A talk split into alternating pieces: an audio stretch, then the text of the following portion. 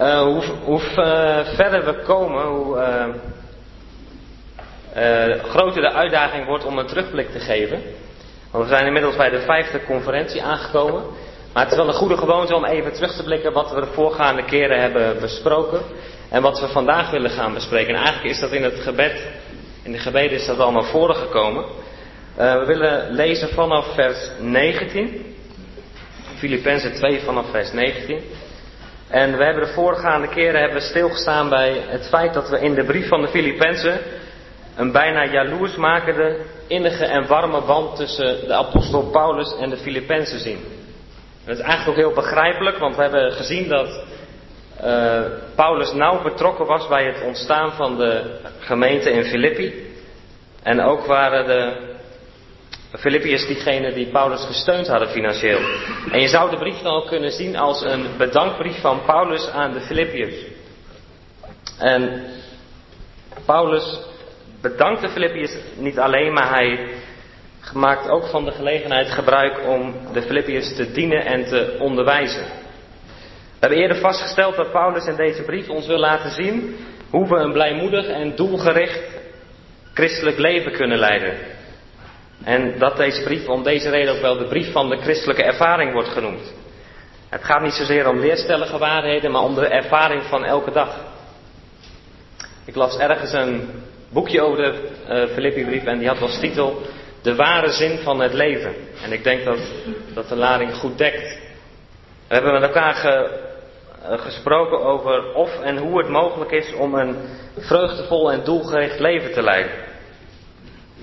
En we hebben gezien dat omstandigheden en mensen, dingen en zorgen dit leven van ons kunnen wegroven. En Paulus wijst in deze brief op deze vier gevaren, die de vreugde en het doel van ons leven als christen kunnen lamleggen. En ik denk dat we dat allemaal herkennen, dat dat in ons leven kan gebeuren. De volgende dia misschien, Johan. Ja, dankjewel. In hoofdstuk 1 hebben we gezien dat de omstandigheden waarin we verkeren onze blijdschap en vreugde kunnen wegroven. Paulus zat in de gevangenis, maar ondanks dat kon hij blij zijn. Omdat hij maar op één ding gericht was en dat was om Christus groot te maken. Paulus zat in de gevangenis, maar getuigt dat zijn omstandigheden hebben bijgedragen aan het evangelie. En hij verblijde zich in het feit dat Christus werd gepredikt op welke manier dan ook. Te leven was voor hem Christus. Uh, blijdschap is een sleutelwoord van de brief. We hebben meerdere keren over gehad dat het 15 keer voorkomt in deze brief, 15 keer wordt genoemd. En we hebben gezien dat dit geen oppervlakkige blijdschap is, maar dat Paulus uh, bedroefd was, maar altijd blij, zoals staat in 2 Korinthe 6, vers 10. Omdat hij uitkeek boven de omstandigheden en zag op de Heer. We hebben ook gezegd dat dat iets is wat niet vanzelfsprekend is, maar dat Paulus wel zover was dat hij dat kon. Een brief van blijdschap dus, maar in hoofdstuk 2 hebben we gezien dat Paulus zegt, maak dan mijn blijdschap volkomen. Er was iets en waardoor zijn blijdschap nog niet helemaal volkomen was en dat was de verdeeldheid. Verdeeldheid zoals we zagen bij de zusters, maar ook verdeeldheid die we herkennen in ons eigen hart, in hoe we met elkaar omgaan, wat de praktijk van alle dag is. En we hebben gezien in hoofdstuk 2 dat de oplossing van het probleem van de verdeeldheid bestaat in het hebben van de gezindheid van de Heer.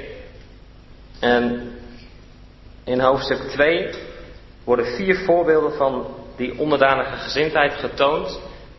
Of zoals ik ergens las, vier voorbeelden, vier levende uitdrukkingen van het evangelie.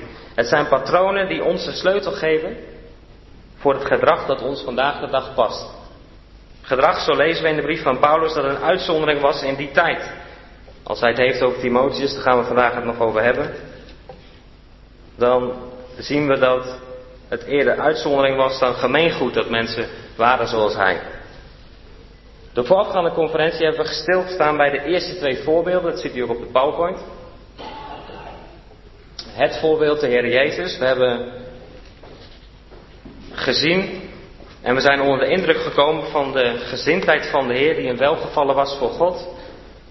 En dat Hij hem daarom heeft verhoogd.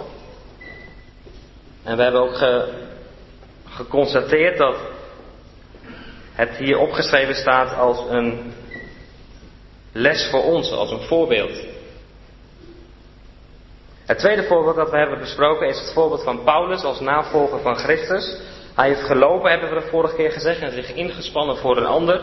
Vragen die de vorige keer voor onze aandacht kwamen waren, zijn wij net als Paulus bereid om ons in te spannen voor een ander? Kan men een beroep op ons doen? En Paulus' wegcijfering voor het werk van de Heer is zichtbaar in vers 17 en 18. Ik denk dat het goed is dat we daar even naar kijken nog. Omdat toen ik de conferentie terugluisterde, want het kan, via oudesporen.nl, zijn alle conferenties terug te luisteren als het goed is. Op zich zou het al een dagvullend programma kunnen zijn om te bespreken wat we daarin gezien hebben.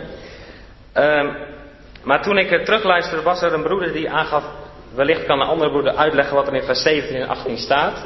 Maar is dat niet meer besproken. Dus wellicht kan iemand daar nog even op terugkomen.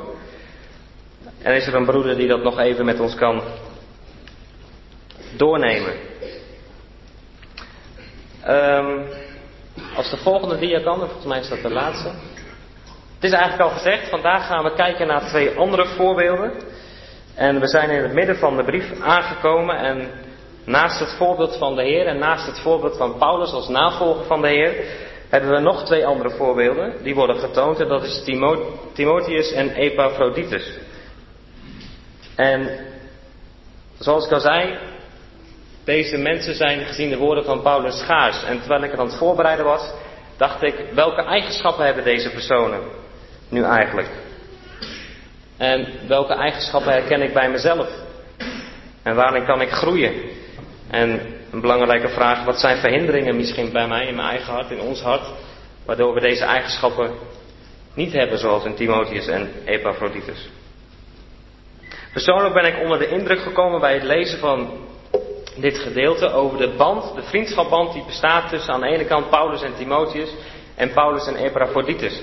En je ziet, denk ik ook hierin, dat uh, hoe hecht hun band is en wat hun ook bindt. En ik denk dat we daar vandaag ook met elkaar bij stil gaan staan. Goed, wil ik graag lezen vanaf vers 19.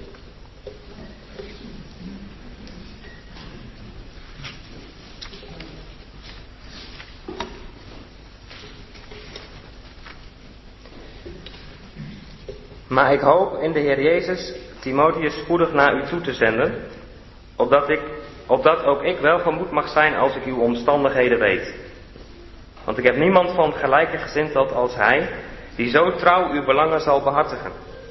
Want alle zoeken hun eigen belang, niet dat van Jezus Christus. En u kent zijn beproefdheid dat hij, zoals een kind zijn vader, met mij in het evangelie heeft gediend. Hem nu hoop ik onmiddellijk te zenden, zodra ik mijn omstandigheden heb overzien. Maar ik vertrouw in de Heer dat ik ook zelf spoedig zal komen. Maar ik vond het nodig Epaphroditus, mijn broeder, en medearbeider en medestrijder naar u toe te zenden, daar hij zeer naar u allen verlangde en verontrust, verontrust was, omdat u had gehoord dat hij ziek was.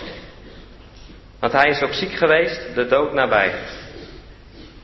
Maar God heeft zich over hem erbarmt en niet alleen over hem, maar ook over mij, opdat ik niet droefheid op droefheid had. Daarom heb ik, met des te meer, heb ik hem met des te meer spoed gezonden, opdat u, als u hem ziet, zich weer verblijdt en ik minder bedroefd ben.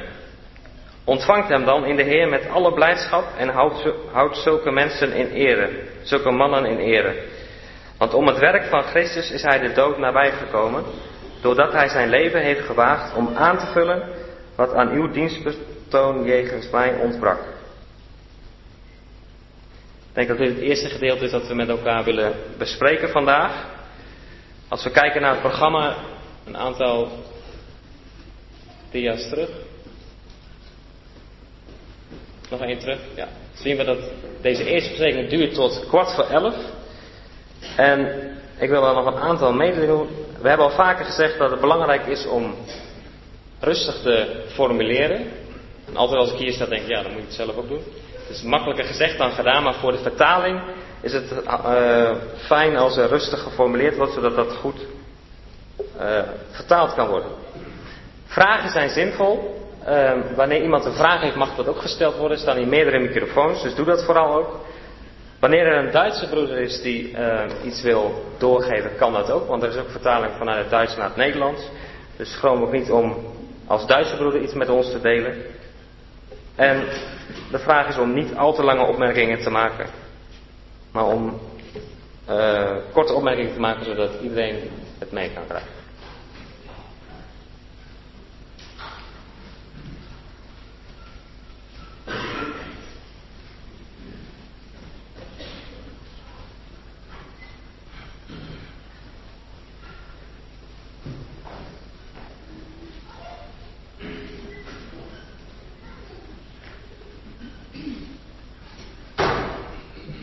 Ja, ik kon me ook niet herinneren dat we over uh, versen 17 en 18 iets hebben gezegd. Gelukkig hij die een Telos-vertaling heeft. Of zij. Want er staat in de noot hier bij mij onder. Als het gaat om het drankoffer en ook de offeranden en de bediening van het geloof. Dat bij dat woord offeranden eigenlijk. Het gaat om slachtoffer. Het gaat hier om een oud-testamentische vergelijking. Bij of over het slachtoffer werd een drankoffer tot een liefelijke reuk voor God uitgegoten. Zie onder andere nummer 28 en 29. En dat brengt ons bij de gezindheid van Paulus. Paulus achtte zijn bijdrage aan de geloofsopbouw van de Filippiërs van geringere waarde dan het geloof van de Filippiërs. Zoals een drankoffer een geringer offer was dan het hoofdoffer. Dus de, het geloof van de Filippiërs, de bediening van hun geloof, hun offerande daarin, was voor Paulus groter dan zijn bijdrage daaraan. Een drankoffer is een offer van wijn en spreekt van de vreugde. En wat zou het mooi zijn als, als wij allemaal zo'n zo soort drankoffer mogen zijn. En we hebben het er al over gehad en erover nagedacht dat we elkaar kunnen bemoedigen, stimuleren, helpen om ons geloof te beleven, te uiten. En dat als wij daar een bijdrage aan kunnen leveren, dat dat een bijzondere vreugde voor God is. Maar dat vraagt nederigheid. Dat vraagt wegcijfering van onszelf. En wat Paulus eigenlijk aan het begin van het hoofdstuk zegt, de ander uitnemender achten dan jezelf. En dat blijft de oefening, dat blijft ook het verlangen. En dat Paulus zichzelf wegcijfert, zien we ook in waar we nu gaan beginnen, in vers 19. Dat hij zo de Filippiërs op het oog heeft, hun welzijn, dat hij Timotheus naar hen toe wil zenden. Hij doet het met het oog op zijn eigen gevoelens, opdat ook ik welgemoed mag zijn als ik uw omstandigheden weet. En daar heb je weer zo'n, ook daar hebben we over dacht al, daar hebben we ook in ons gebed iets over gezegd.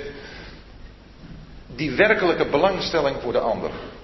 Ik denk dat het in dit hele stukje naar voren komt. Wat beweegt de ander? Wat, wat beleeft de ander? Zijn we daarin werkelijk geïnteresseerd? Paulus die wilde heel graag weten hoe het met de Filippiërs ging. Wij ontmoeten elkaar hier en dan heb je snel de neiging te zeggen, en hoe gaat het? En dan is wel eens de vraag gesteld, wil je dat echt weten? En dan voel je, de vraag van hoe gaat het is vaak een beleefdheidsvraag zonder dat er diepgang in zit, een werkelijke belangstelling. En dat hoeft ook niet altijd verkeerd te zijn natuurlijk. Maar Paulus hij wilde graag weten hoe het met die Filippiërs ging, hun omstandigheden. En daar heb je tijd voor nodig. Heb je echte aandacht voor nodig. Inlevingsvermogen. En ik hoop dat wat we hier van Paulus kunnen leren, dat we dat meenemen, dat ik dat meeneem, om zo ook met elkaar om te gaan. En de een is daar wat beter, wat sterker in dan de ander, maar dat dat ons verlangen is om op deze wijze elkaar te dienen, zoals Paulus hier naar de Filippiërs toe over zichzelf een drankoffer spreekt en ook Timotheus zendt.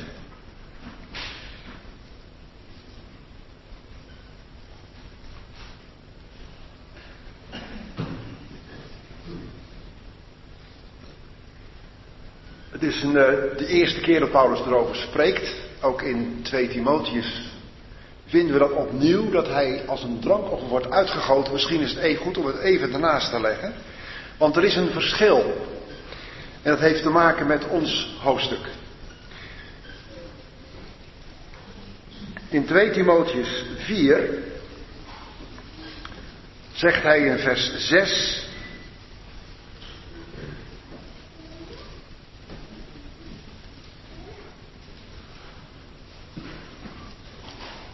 Want ik word al als drankoffer uitgegoten en de tijd van mijn heengaan is aangebroken.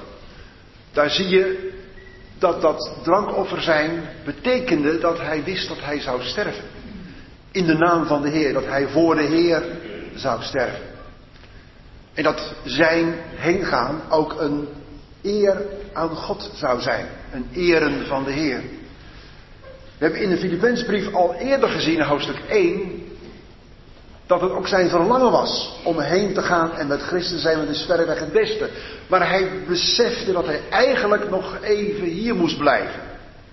Er is dan ook een verschil in de tijd tussen deze twee brieven.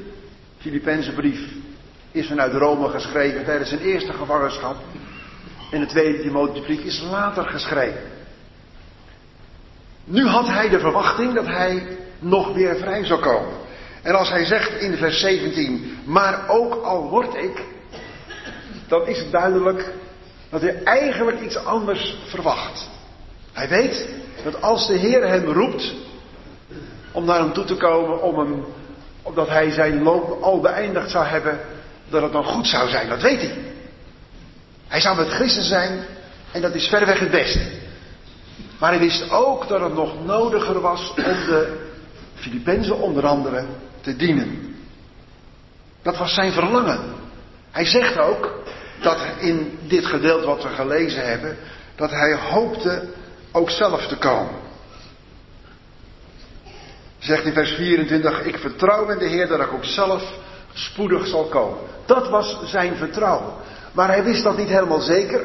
Hij legde dat in de hand van de Heer en hij wist, zoals de Heer het doet, is goed. Dat is ook heel belangrijk om dat steeds weer opnieuw te weten. Aan de ene kant te zien, het ziet er naar uit dat de Heer het zo gaat doen. Dat is goed, Heer, want dan kan ik dat nog doen. En als het anders is, is het ook goed. En je ziet dan ook dat hier in dit gedeelte vanaf vers 19 tot met 30 zet hij een soort drietrapsraket op. Er zijn drie mensen die graag naar de Filippenzen gaan. De eerste die gaat is Epaphroditus. De tweede die gaat is Timotheus. En Paulus hoopt zelf ook te komen. En er zit een opbouw in. Hij begint bij Timotheus om te vertellen dat hij dat zo snel mogelijk wil. Timotheus zenden. Maar hij wil eerst weten hoe het zelf met hen verder afloopt. Zodat hij daar iets meer over kan zeggen. En ondertussen zendt hij alvast Epaphroditus. En daar zijn verschillende redenen voor, daar komen we op terug. Maar dat is wat je ziet. Er is een heel duidelijk verlangen van hem om deze gemeente te dienen. En hij weet, hij kan dat doen op drie manieren. Hij kan het doen door Epaphroditus te zenden en dat doet hij onmiddellijk. En er is een goede reden voor. En hij kan het ook doen door Timotheus te zenden, want dat is een heel bijzondere dienstknecht van de Heer. En eigenlijk, ja, zijn compagnon in het werk. Ik denk dat we daar ook straks even uitgebreid stil bij moeten staan. Wie Timotheus is en hoe hij een dienstknecht van de Heer is en in het gezelschap van Paulus dient. Maar uiteindelijk hoopt hij ook zelf te komen. Hij verlangt dat ook. Er is een verlangen bij hem. Maar het verlangen is er ook bij die anderen om de gemeente te dienen. En zo bij te dragen aan hun welzijn. En daarom wil hij ook weten hoe het met hen is. Zodat hij, zolang hij nog zelfs niet kan komen, hij in elk geval wel kan bidden.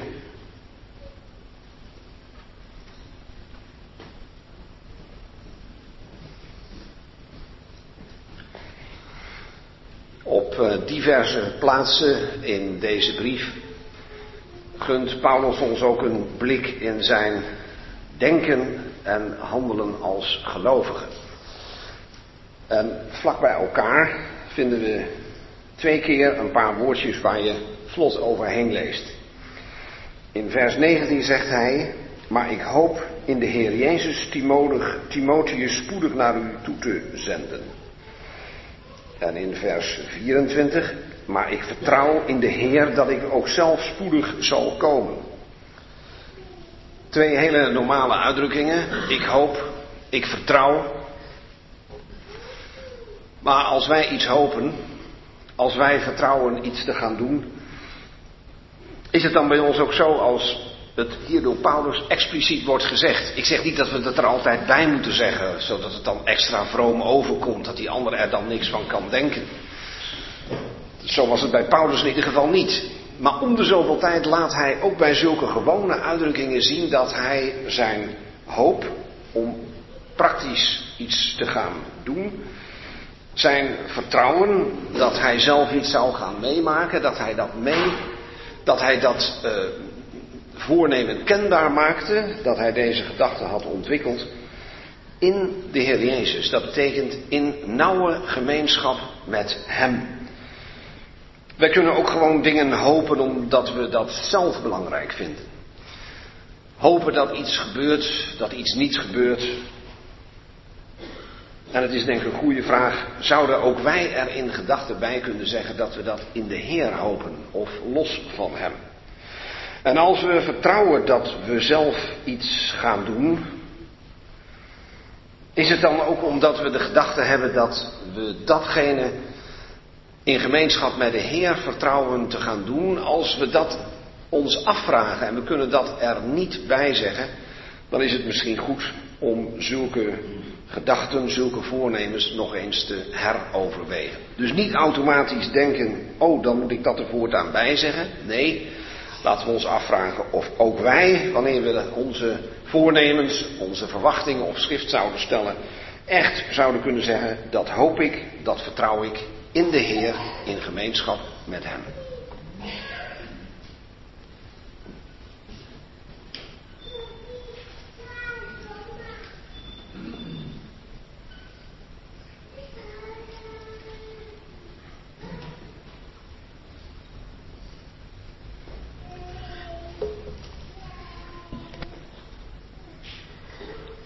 De apostel heeft ons in dit gedeelte de gezindheid van de Heer voorgesteld.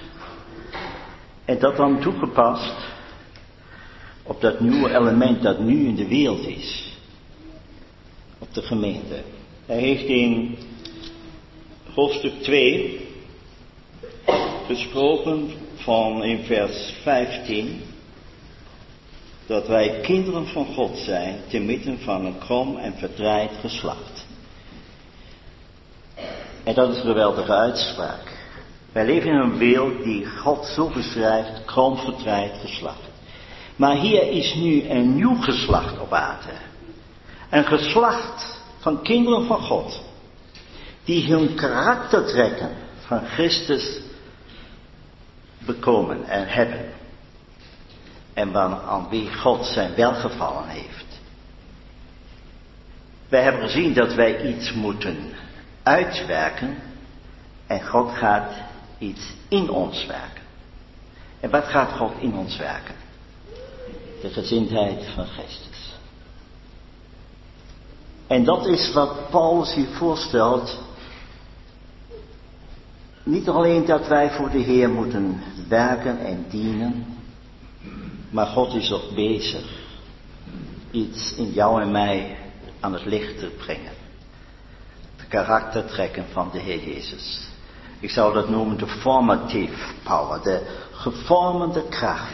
Dat wij Hem meer en meer gelijk worden. En in die zin voelt zich ook Paulus ingepast in die grote, in dat nieuwe geslacht waar hij een onderdeel van uitmaakt. Maar zijn grote wens is dat in dat nieuwe geslacht deze karaktertrekken van Christus aan het licht komen. En daarom is hij blij als hij een drankoffer is. Iets te gaan toewerken. Het woord drankoffer hebben we ook een paar keer in het Oude Testament. Kennen wij dat vandaan. Ik zou één tekst uh, bijzonders benaderen, maar wij hebben het in uh, Exodus 29 in verband met het avond- en morgenoffer. Er kwam dit hin wijn erbij. We hebben het ook in uh, Leviticus 23 in de gave van de eerstelingen. Maar we hebben het, en daar wou ik op nummer 15.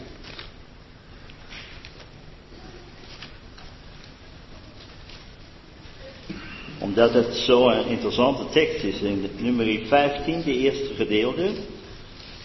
Er worden verschillende offers genoemd.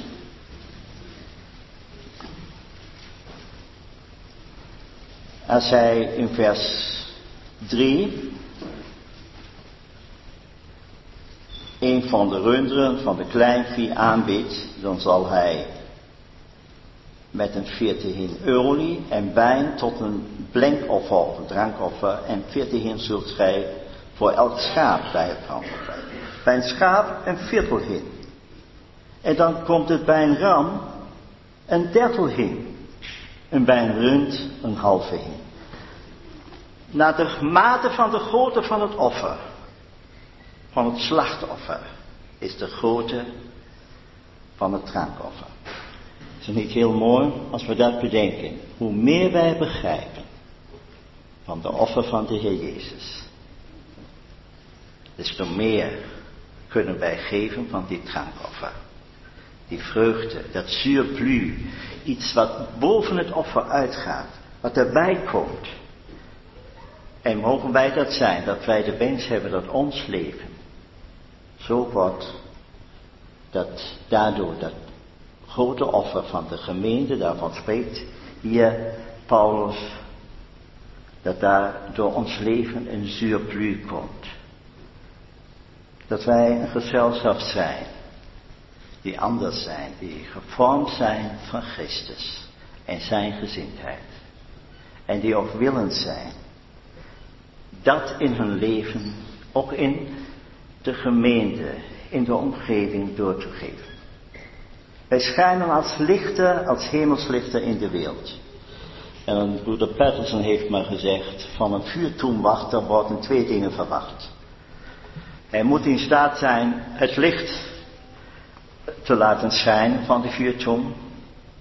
En hij moet met het personeel van het vuur, met het andere personeel van het vuurtoon klaarkomen. En dat is zo belangrijk. God heeft ons geplaatst in de gemeente. En daarom de gezindheid van Christus te tonen. Bereid te zijn dat ons leven als een drankoffer verspreid wordt. Dat wordt gegoten op het vuur van het offer.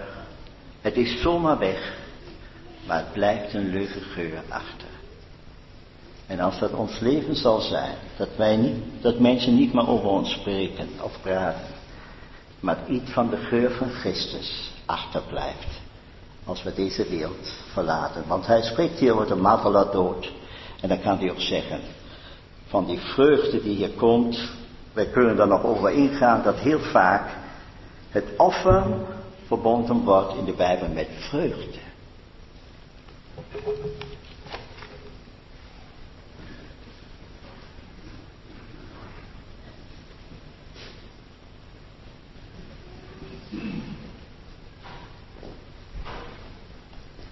Is net gezegd over de gezindheid van Christus. In het stukje wat we hebben vind ik twee keer een band. Paulus zegt over Timotheus, want ik heb niemand van gelijke gezindheid als hij. Kennelijk concludeerde Paulus dat Timotheus diezelfde gezindheid had als die hij beschreef in hoofdstuk 2 Laat die gezindheid in u zijn.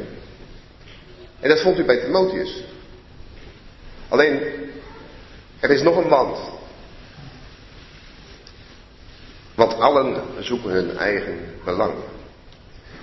Nou vind ik die zin op zich een beetje vreemd. Want allen. Ja, wie zijn die allen?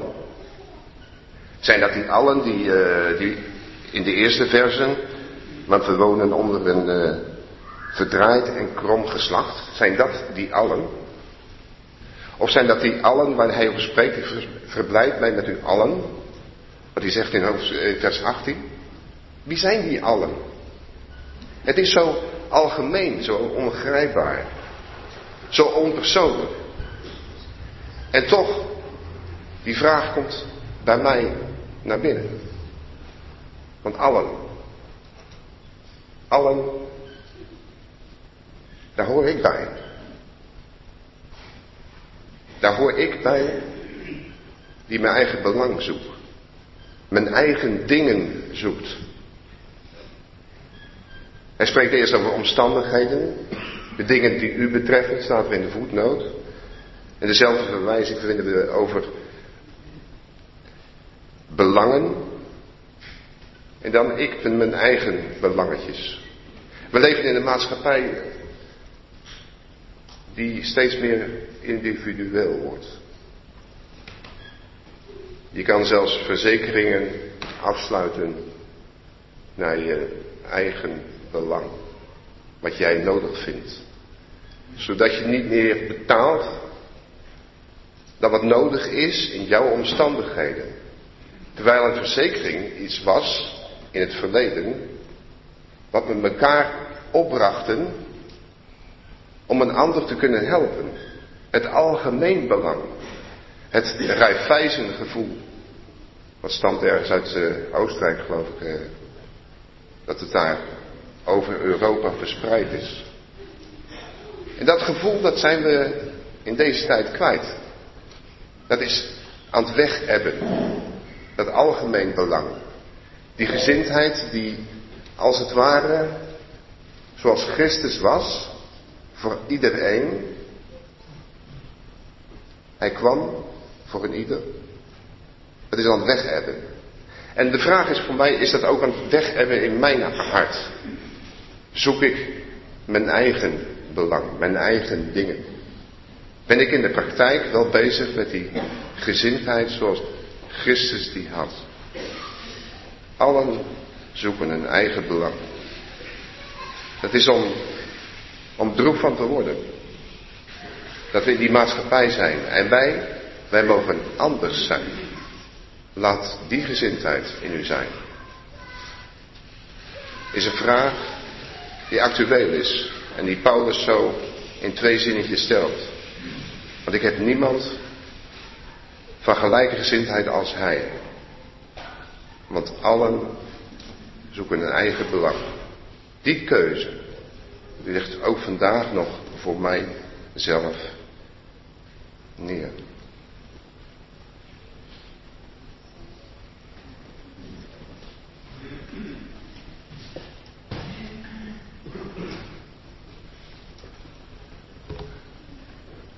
Alleen maar een vers. Hoofdstuk 2, vers 21. Allen zoeken hun eigen belang. Ik zou er een vers graag, graag naast willen zetten uit hoofdstuk 1, vers 21.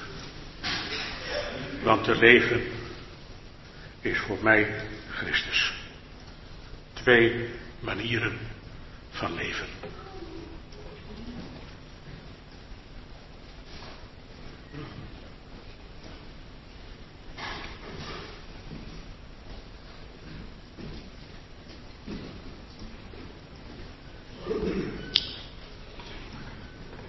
Allen zoeken zijn eigen belang, niet die van Jezus Christus. De thema van de Filipijnse brief, voor mij is het leven Christus, dat lijkt wel een uh, hele hoge norm. Je zit met de vraag, is dat niet te hoog gegrepen? Ik denk dat Filippi-brief maakt, duidelijk maakt dat, dat die norm haalbaar is voor ieder van ons. Maar er zijn een aantal voorwaarden die vervuld moeten worden. Voor mij is het leven Christus, zegt Paulus. En wat houdt dat in? In Filippi 2, we hebben bij de um, PowerPoint gezien. In hoofdstuk 2 gaat het om Christus als voorbeeld. In hoofdstuk 3 staat Christus als doel. Hoofdstuk 4 Christus als de kracht in de praktijk van mijn leven. Maar hier in hoofdstuk 2 gaat het om voorbeeld. En wel voorbeeld als we terugblikken naar het verleden, hoe de Heer Jezus was. Zijn gezindheid. En in verband daarmee kon Paulus zeggen in hoofdstuk 2 vers 19, ik hoop in de Heer Jezus Christus. In hoofdstuk 2 hebben we, hebben gezien, hebben we niet alleen het voorbeeld van de Heer Jezus, want iemand zou kunnen zeggen, ja, voorbeeld van de Heer Jezus, wie ben ik? dat is een lied. Ik ben niet zoals Jezus. Hij was zo en zo en zo, maar zo ben ik niet. Maar dat is een voorbeeld waarvan Paulus kan zeggen, ja, ik wil nu aanschouwelijk onderwijs geven. Dat heb ik ook kunnen laten zien in mijn leven.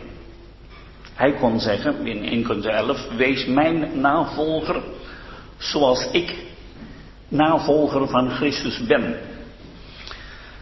Met andere woorden, als het gaat om die gezindheid in deze versen die we hebben gezien, zien wij ook apostel Paulus als voorbeeld, aanschouwelijk onderwijs. Straks als iemand zegt, ja, maar Paulus, dat is een apostel. Wie ben ik dat ik mezelf kan vergelijken met apostel Paulus? Dat is voor mij te hoog gegrepen. Ik ben maar een eenvoudig broeder. Dan komt Paulus met een derde voorbeeld, dat is Timotheus. En Timotheus, dat is een medewerker van apostel Paulus, geen apostel. Maar iemand kan ook nog weer zeggen, ja maar Timotheus, dat is een speciale broeder. Een broeder die een zoon is als het ware van apostel Paulus. Een kind in het geloof. En dan komt Paulus met het vierde voorbeeld, Epaphroditus. Een van de broeders uit Filippi. Met andere woorden, broeders in Filippi. Dat is niet te hoog gegrepen. Eén van jullie, Epaphroditus, die laat die gezindheid van de Heer Jezus zien. Aanschouwelijk onderwijs. En in die zin is het natuurlijk voor ons belangrijk. Dat ook in de praktijk van ons leven, dat we kunnen laten zien dat we voorbeelden zijn voor een ander. Volg ten aanzien van de voorgangers, volg hun geloof na. Hier zegt Paulus, ik hoop in de Heer Jezus. Broer Gerard heeft al iets over gezegd. Ik hoop in de Heer Jezus.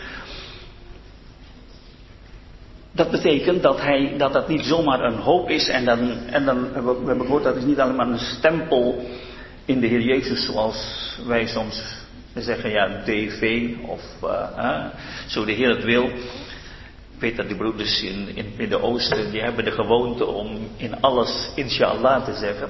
En een andere broeder zegt, nou je moet niet, je moet niet inshallah zeggen als je, als je toch weet dat je niet komt. En dan geef je de Heer ook nog de schuld. Maar hier is het in de Heer Jezus met echt een, eh, een, een, een, eh, een diepe betekenis. Het is niet zomaar dat hij zegt, ik hoop, en dan als gewoonte in de Heer Jezus. Maar hij vertoonde hier in deze woorden echt, hij kon het zeggen omdat hij daarin de gezindheid van de Heer Jezus laat zien. Wat bedoel ik mee? Hij zegt, ik hoop Timotheus spoedig tot u te zenden. Wel, dan moet je kijken naar wie Paulus was. Paulus was niet een Einzelganger. Paulus was een, een broeder die houdt van gezelschap. Je leest het elke keer weer. die tekst is aangehaald toen hij de broeders zag. In handeling 28, toen verblijde hij zich. Toen vatte hij weer moed. In 2 Korinther 2 met Titus. Hij had geen rust in zijn ziel toen hij Titus niet zag. Hij had zo'n behoefte om onder de broeders te zijn. Prachtig voorbeeld voor ons. En nu zit hij ook nog in een gevangenis. Eenzaam. Dan heb je toch in een gevangenis behoefte aan gezelschap.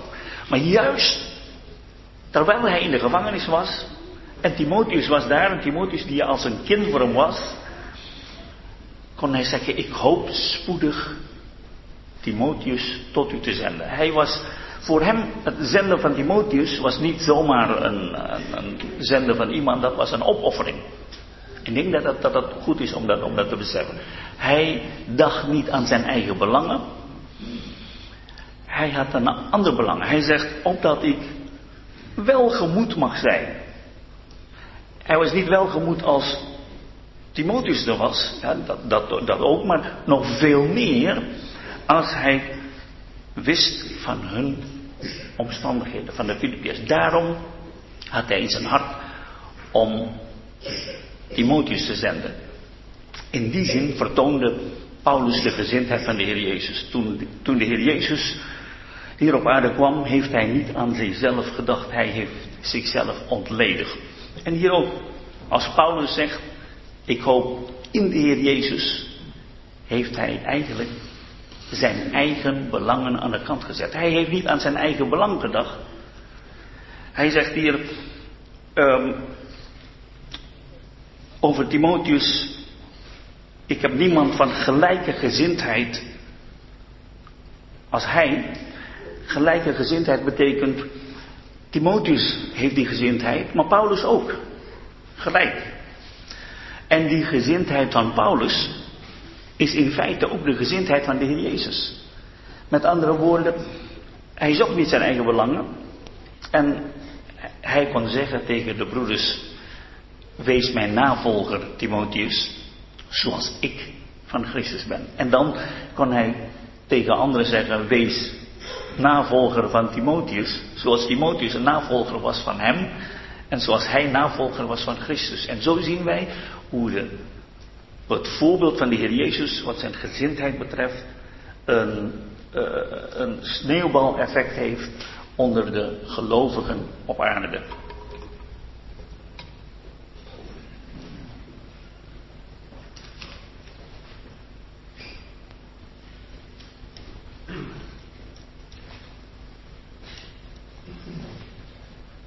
Misschien mag ik dit voor uh, jongelui nog wat duidelijker maken. Weet je wat Filippus betekent? Dat is de filio en de hippus. Die vader van uh, Alexander de Grote, die heette Filippus omdat hij zoveel hield van paarden. Filio, dat kennen jullie wel van uh, filantelisten. Misschien is een van jullie vrienden wel zo'n filantelist die veel van postzegels houdt. En ik zie hier in de zaal heel veel bibliofielen, mensen die van veel boeken houden. Houden van in de Bijbel. Dat zijn die mensen die dingen voor ogen hebben waar ze graag van houden. De Heer Jezus vraagt een keer aan Petrus: Petrus, houd je van me? En dan zegt Petrus: U weet alle dingen, Heer Jezus. Je vindt dat in Johannes 21. U weet alle dingen. U weet dat ik van u houd. Er zijn heel wat mensen hier in deze wereld die van een heleboel dingen houden. En hun hart gaat helemaal naar die dingen uit. Maar in de Bijbel wordt nog een tweede woord gebruikt. In diezelfde geschiedenis van Petrus vraagt de Heer Jezus aan uh, Petrus: Petrus, heb je me lief? De eerste keer heb je me meer lief dan deze. En de tweede keer heb je me lief. En dan zegt Petrus, ja Jezus, ik houd van u. Dat is een ander woord in het Grieks. Ik houd van u is filio, van die bibliofielen, weet je wel. En dat andere woord is agape. Bij agape gaat het er niet uit waarna je je hart uitgaat. Maar dat je lief hebt zonder dat dat andere je hart inneemt. Zonder dat het andere zo belangrijk voor je is dat je altijd daar naartoe wilt gaan. Dat agape betekent dat ook als dat andere niet zo liefdwaardig is, je toch die liefde laat zien. En dat is nou precies wat de Heer Jezus en wat Paulus hier bedoelt. Paulus zegt ook als er dingen in je leven zijn die je niet zo graag wil doen. Dat je je leven moet opofferen zoals een drankoffer. Dat is niet zo fijn. Maar als je weet dat je dat mag doen voor God, dan is dat iets wat je graag wil doen. In dat beroemde hoofdstuk over de liefde, in 1 Korinthe 13, daar wordt gezegd dat de liefde zichzelf niet zoekt. En dat is precies het omgekeerde van wat we hier hebben. En dat moet dus die liefde, die agape-liefde zijn. Die zoekt zichzelf niet, maar die zoekt de dingen van God. En het mooie is, in Romeinen 8, vers 4, mag je uit je hoofd leren, daar staat dat God zijn liefde in onze harten heeft uitgestort. Dus het is mogelijk. Het is mogelijk om met die agape-liefde ook dingen voor God te laten zien. Ook liefde te hebben voor mensen die misschien jou niet lief hebben. Zoals de Heer Jezus ons heeft lief gehad toen we nog vijanden waren. Toen we nog haters waren. En dat wil de Heer Jezus ook in onze harten uitstorten.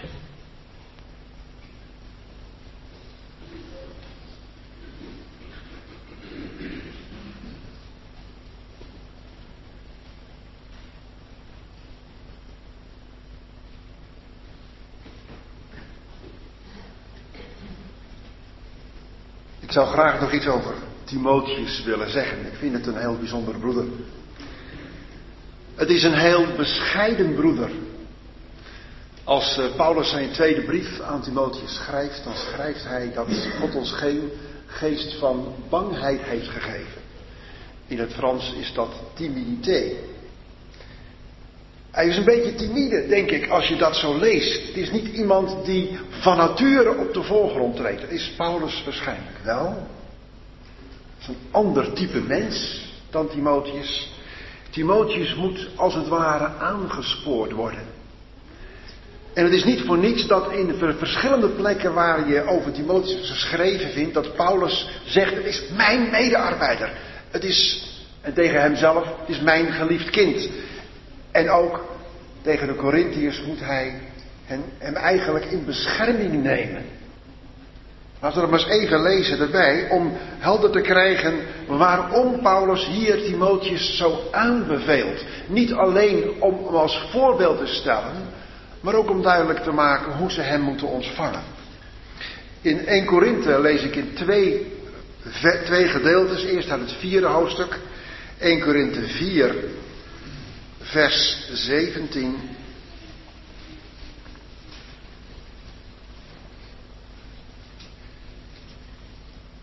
We zien hoe Paulus naar Timotheus kijkt opnieuw. Daarom juist heb ik Timotheus naar u toegezonden, die mijn geliefd en trouw kind in de Heer is. Die zal u mijn wegen, die in Christus Jezus zijn, we het daar al over gehad, hè, dat in de Heer, hier mijn wegen die in Christus Jezus zijn, in herinnering brengen.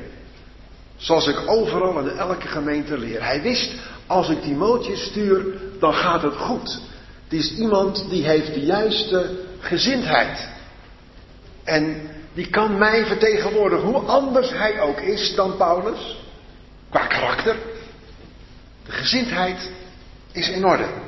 In hoofdstuk 16 van de 1 Korinthe vindt er nou daar nog iets bij. Want we weten dat de Corinthiërs nou niet zo erg bescheiden waren in hun optreden. Een aantal van hen in elk geval niet. Er was een probleem met hun bescheidenheid. En dat is iets waar Timotheus nooit voor hoefde te worden gewaarschuwd. 16 vers 10. Wanneer nu Timotheus komt, let erop dat hij zonder vrees bij u is. Want hij werkt het werk van de Heer evenals ik. Laat dus niemand hem minachten, maar held hem in vrede voort, wat hij tot mij komt, want ik verwacht hem met de broeders. Het was iemand die misschien wel zo bescheiden was dat je wel makkelijk over hem heen zou lopen. En, en Paulus wist dat dat gevaar er was. Timotheus was niet iemand die heel makkelijk misschien de aandacht en volle op zichzelf liet vallen. Het was een dienstrecht van de Heer. Maar ook in de brief aan Timotheus zegt Paulus tegen hem dat hij eh, vooral laat niemand je minachten. Zorg ervoor dat je gewoon doe het werk van de Heer. Pak wat moed, pak wat vrijmoedigheid, want je hebt de goede gezindheid en laat het maar zien. Ga maar naar voren. Spreek maar. En sommigen hebben wat meer aanmoediging nodig dan anders. Dat is onder ons ook zo. Sommige mensen hebben wat meer aanmoediging nodig. Die, die kunnen uitstekend de Heer dienen, maar. En kunnen ons ook dienen daarmee. Maar zijn wat. Ja, van nature misschien wat minder naar voren komend. En hebben wat extra stimulans en hulp nodig. En, Paulus wist dat dat het nodig was om Timotheus, niet alleen Timotheus, ook bij Epaphroditus merkte hij dat nog iets sterker in deze brief. Dat hij, als het ware zegt, zorg ervoor dat je hem, dat je hem acht. Het zijn broeders die de Heer dienen. En zo kunnen we ook elkaar natuurlijk aanbevelen. Het is heel belangrijk als je met elkaar samenwerkt dat die gezindheid er is trouwens. En misschien ook wel nog even een zijstapje in het huwelijk. In het huwelijk is het ook zo belangrijk dat je dezelfde gezindheid hebt. Broeders. Ja, de zusters ook. Maar ik richt mij nu vooral even op broeders. Want broeders, ook wij dienen te dienen. Dat is niet altijd makkelijk. Dat ligt niet van nature in ons. Maar het moet wel gebeuren. Ook wij moeten onze vrouwen dienen. En we moeten elkaar dienen. Dat is wat ons is voorgehouden. En als wij gericht zijn op het belang van de Heer Jezus, en Timotheus was dat, dan kunnen wij ten volle de ander dienen. Maar er is dus ook nog een drempel voor die dienst bij de ontvangers van de dienst. En dat is ook waar we over na zouden moeten denken, broeders en zusters. Hoe ontvangen wij de dienst van broeders met de gezindheid waar Paulus het hier over heeft? De gezindheid van Timotheus.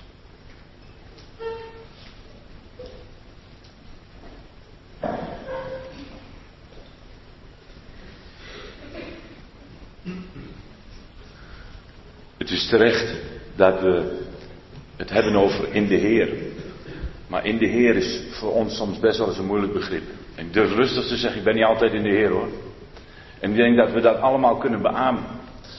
En het probleem is vaak van hoe zit dat dan in de Heer zijn? In de Heer zijn is eigenlijk datgene wat we wel zijn. Ook als we soms denken dat we het niet zijn. Ik neem aan dat we hier met allemaal gelovigen zijn. Tenminste, dat hoop ik. Maar in de Heer zijn wil eigenlijk iets. En ik wil dat eigenlijk duidelijker maken aan de hand van een, een, een Bijbeltekst. Dat God ons in Christus aanziet. En als God mij wil zien, dan ziet hij één persoon. En dat is de Heer Jezus. Dat is in de Heer. Hij ziet ons in de Heer aan. Wil ik God zien, dan kijk ik de andere kant uit. Dan kom ik ook iemand tegen. En dat is de Heer Jezus. En dat is denk ik datgene wat zo belangrijk is. Dat we ons bewust mogen zijn. Dat als we kinderen van God zijn. God ons in Christus aanziet. En wij elkaar En dat is vaak wel een gebrek wat wij als gelovigen hebben, dat wij elkaar niet altijd in de Heer Jezus aanzien. En ik mij soms niet zodanig openbaar. Ik wil het eigenlijk ook nog aan de hand van een voorbeeld duidelijk maken in, uit Johannes 13. Een heel bekend gedeelte, dat we allemaal kennen, het gaat over de voetwassing.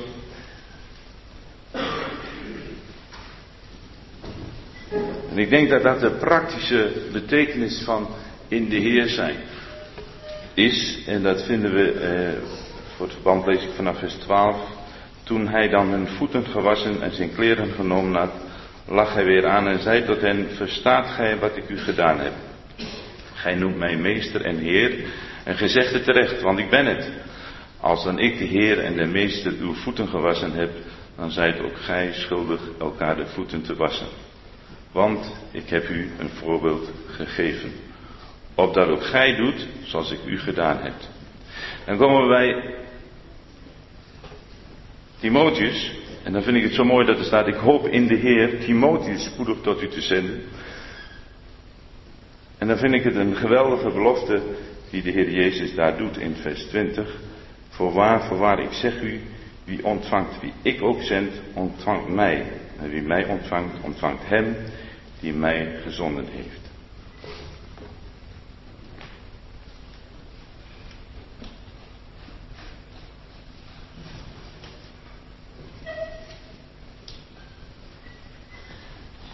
Twee korte opmerkingen. Het is verbazend dat Paulus, als hij over zijn eigen persoon spreekt, één vers daarvoor heeft. Vers 17. Als hij over Timotheus spreekt, heeft hij vijf. Over Epaphroditus. Zes. Hij weet, hij is niet belangrijk.